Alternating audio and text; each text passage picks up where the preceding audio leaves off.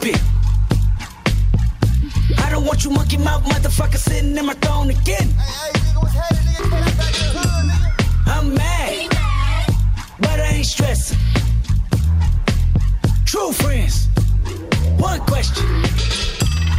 One Question diu Kendrick Lamar i nosaltres també ens fem unes quantes qüestions, però per sort ens les solucionaran aquesta nit perquè tenim aquí el Carles Torres, el director de Callback.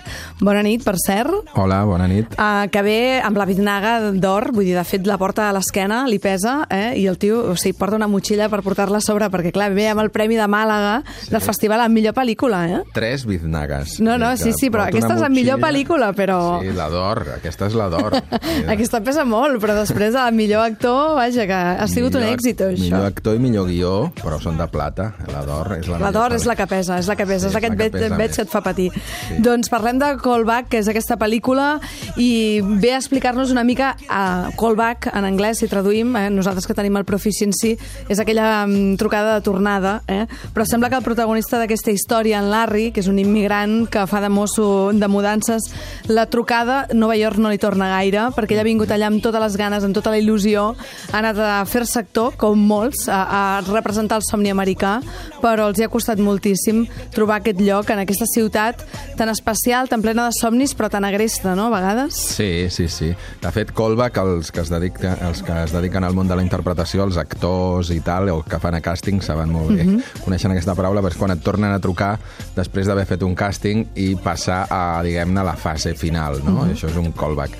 I el protagonista, doncs sí, és un personatge que viu completament obses obsessionat, amb triomfar com a actor, però actor d'anuncis publicitaris, que alhora és una mica una cosa bastant patètica, perquè són aquest, els càstings als que ell s'ha de presentar, doncs moltes vegades són totalment Clar, no ho ridículs. sabem, eh? Perquè tenint en compte el personatge del, del Larry, potser en el fons vol ser un actor de Hollywood, però el tio comença així i no s'atreveix a dir que en el fons vol fer una altra cosa, perquè és un tio una mica complicat, amb capes, amb sotabosc. Sí, la veritat és que tu no saps per on va el personatge. Crec que una de les coses que agrada força de la pel·lícula és que el personatge, diguem-ne, el vas descobrint a poc a poc. No saps qui és, no saps què fa, no saps on va, no saps d'on ve, i a poc a poc vas descobrint com capes, no? I cada capa que descobreixes és una mica més, diguem-ne, inquietant. El primer Per sembla un bon noi, un bon xan, que tens ganes com d'abraçar-lo, de portar-lo a casa, de donar-li un plat de menjar, però Sí. ja ho veureu després, ja ho veureu.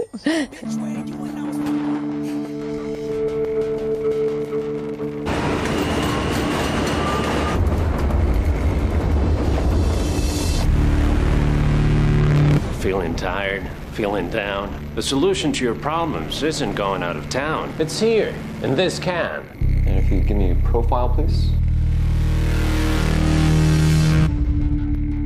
Is it your first time couch surfing? This is the bathroom. We'll have to share it, I'm afraid, but don't worry about it. Té bona veu, té bona presència, ho fa bé, eh? és la bomba aquest tio, però fa poreta, poreta, fa por, fa por. I anirem... Jo no vull fer gaires spoilers, perquè si no aquesta, la gràcia de la pel·lícula eh, vaja, no existeix, se'n va, eh? però eh, comencem a explicar una mica si hi havia alguna cosa d'autovenjança, també, uh, per part teva, perquè sense voler explicar res del que fa aquest noi, sí que ell, com que mm, Nova York, o podríem dir l'entorn, les feines que, que, que aspira, no li surten, ell té ganes una mica de, de venjança, no? O té ganes de...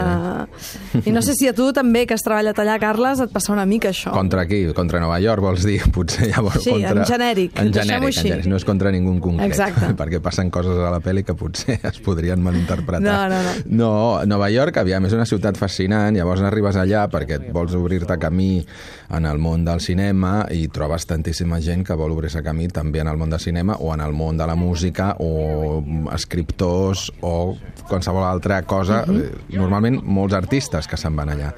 I te n'adones que, clar, està tota aquesta gent allà doncs, lluitant una mica per aconseguir els seus somnis, però alhora s'han de buscar una feina de cambrer per poder pagar una habitació caríssima a 1.200 dòlars Mhm. en un pis, viure en un pis de Harlem compartit, pagant 1.200 dòlars al mes i tal.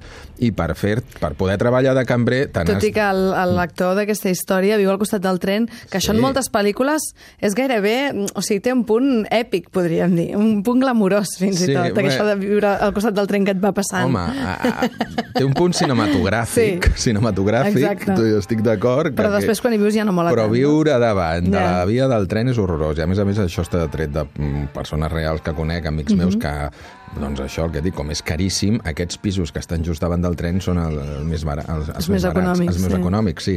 Llavors pots, pots trobar un pis per 500 o 600 euros, una habitació, però que dona just davant del tren, no? I dius, bueno, com no et pots, com no et tornes boig vivint en un lloc Sí. així, no? I a més el tren que és 24 hores allà. Aleshores, bueno, tota aquesta que, aquest costat tan dur i que té Nova York quan un s'intenta obrir camí i el que et deia abans de que has d'aconseguir-te un carnet d'identitat fals, bueno, allà no existeix el carnet d'identitat, és una green card falsa, perquè la gent per poder treballar de cambrer en un bar doncs se'n va, se n'han d'anar a Queens amb un traficant de, de green cards falses, pagues 150 dòlars i llavors treballes en un bar amb una identitat falsa. I això és algo superhabitual, està, diguem-ne d'alguna manera, tolerat. No? I a vegades penso, I és què no... esgotador, també, no? Sí. Per la persona que ho pateix. Bueno, sí, em va sobtar la facilitat, la facilitat amb la que es pot viure allà amb una identitat falsa. No? A partir d'aquí vam crear aquest personatge, el Martín i jo, que és co-guionista de la pel·lícula, el, el protagonista, Sí, de fet, ell ha escrit moltes de les històries perquè jo tinc entès que ell va viure una situació semblant, no? Doncs el, bé, amb ell ha, sigut, ha viscut set anys a Nova York, com a actor ha fet moltíssims càstings, clar, no és que li hagi passat coses exactament Oh, que la no, tot pel·lícula, no, tot no, però espero. uh, moltes experiències a nivell dels càstings, algunes eh, idees les hem tret de la realitat, no? I, per exemple, va, un càsting i s'apropa el director de càsting per donar-li la mà i ell li rebutja la mà i li diu, no, perdó, res d'encaixades, no? No ens toquem, no ens toquem, no et facis il·lusions. Sí, i clar, t'imagina't, te'n vas a un càsting allà i t'intentes fer el simpàtic i donar-li amb el director i et, et respon així, doncs et quedes ja tallat, imagina't quin càsting, després segurament... Ja, et sortirà, càsting, no? Et deu sortir el càsting fatal, no? Llavors aquestes eh, coses, que eh, són molt pròpies també de Nova York, de no em toquis i tal, doncs també sí que mm, estan a la pel·lícula i sí que estan extretes, diguem-ne, de la realitat, eh, algunes anècdotes, més aviat, diguem El guió tinc entès que el vas fer en 15 dies, pim-pam. I després, clar, ara estem parlant de la peli, però tu potser ja fa 3 anys que l'has feta, no? Vull dir, Sí. aquelles coses del cine, no? Sí, sí. De com trobar... I això que tu ja havies fet pel·lícules, i havies fet eh, tres pel·lícules, i per Sí. tant tenies una certa trajectòria, Sí. i, i el que costa, no? Sí, Engegar costa els molt. projectes i fer-ho tot, i Costa Nova molt. York... Sí, costa molt eh, anar-te'n a Nova York, a Nova York, aconseguir el finançament per fer la pel·lícula.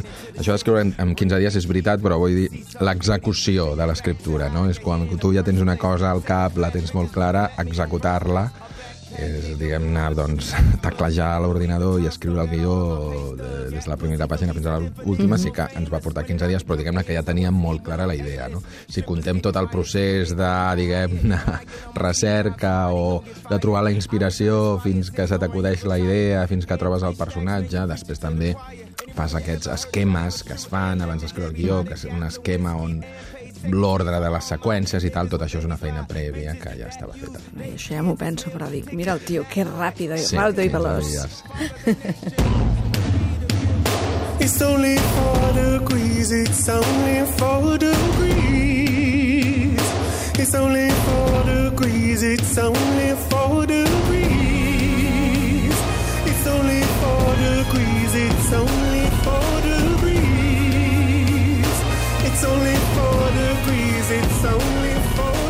I encara que hi ha moments sòrdids en aquesta pel·lícula que l'espectador ja podrà veure, a Callback, eh? per cert que estem parlant amb el Carles Torres i les seves biznagues, que les té per aquí, eh? i de Màlaga, que acaba de guanyar aquest premi, suposo que està molt content perquè això obre les portes, no?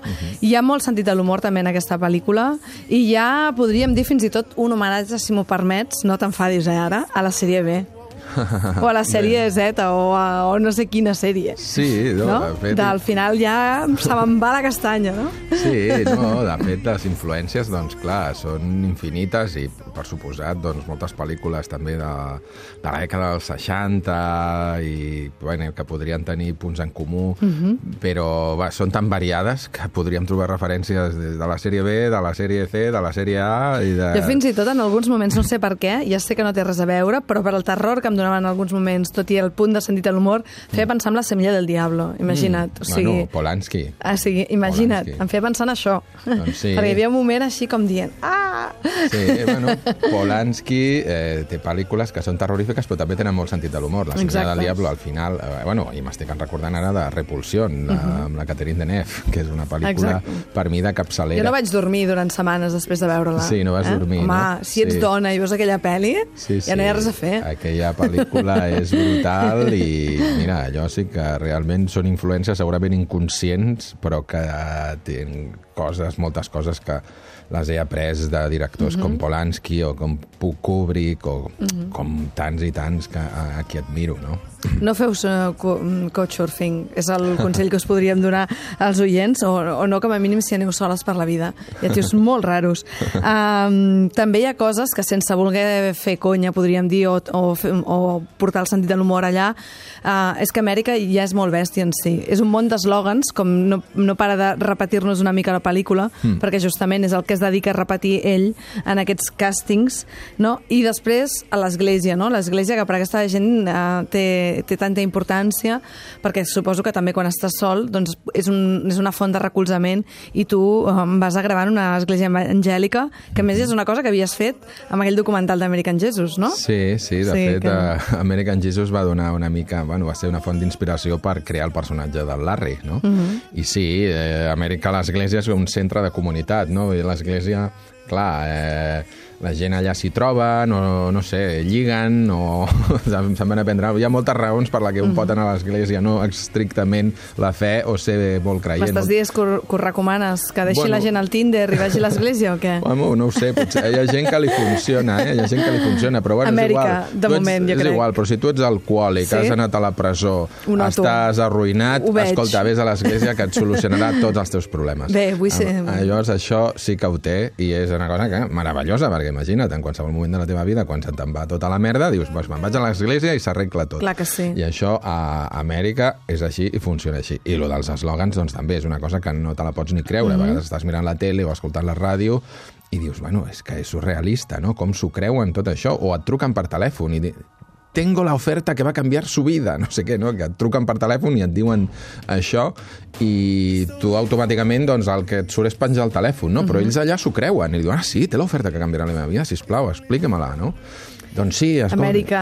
Eh, Amèrica és així. I lo del somni americà, doncs, que ho venen també com una cosa que és sagrada, bueno, eh, a ningú se li acudeixi doncs, criticar el somni americà o, o tal, perquè et castigaran duríssimament. És com la Constitució espanyola, vull dir, ni se t'ocorri No, tocar-la. no se m'acudeix, I- i això només ho llavors- fa alguna gent Clar. de la tele. A la tele, que són gent important. Però, però, mm, però sí, sí, és un tema sagrat i és un tema que et venen la moto d'una manera que dius, bueno, com encara s'ho creuen i després veus que doncs, els afroamericans, que jo penso que són igual d'americans, no? Està- independentment de la raça que siguis, del teu Mhm. Estan més passaport. fotuts per això, Amèrica. Sí, ells cobren 7 dòlars l'hora, netegen lavabos, eh, treballen als fast foods, els immigrants treballen amb negre i amb papers eh, falsos i tal, però tothom té igualtat d'oportunitats. Per I- això tu li has posat a la teva productora Zabriskie Films, que és un nom, eh, vaja, com a mínim serbo-croata, no? no, no sé si és polonès, d'on és? Zabriskie no, doncs té una arrel molt americana perquè Zabriskie Point d'Antonioni és una pel·lícula sí. eh, que m'agrada molt i a més Zabriskie Point és un lloc que està als, als, als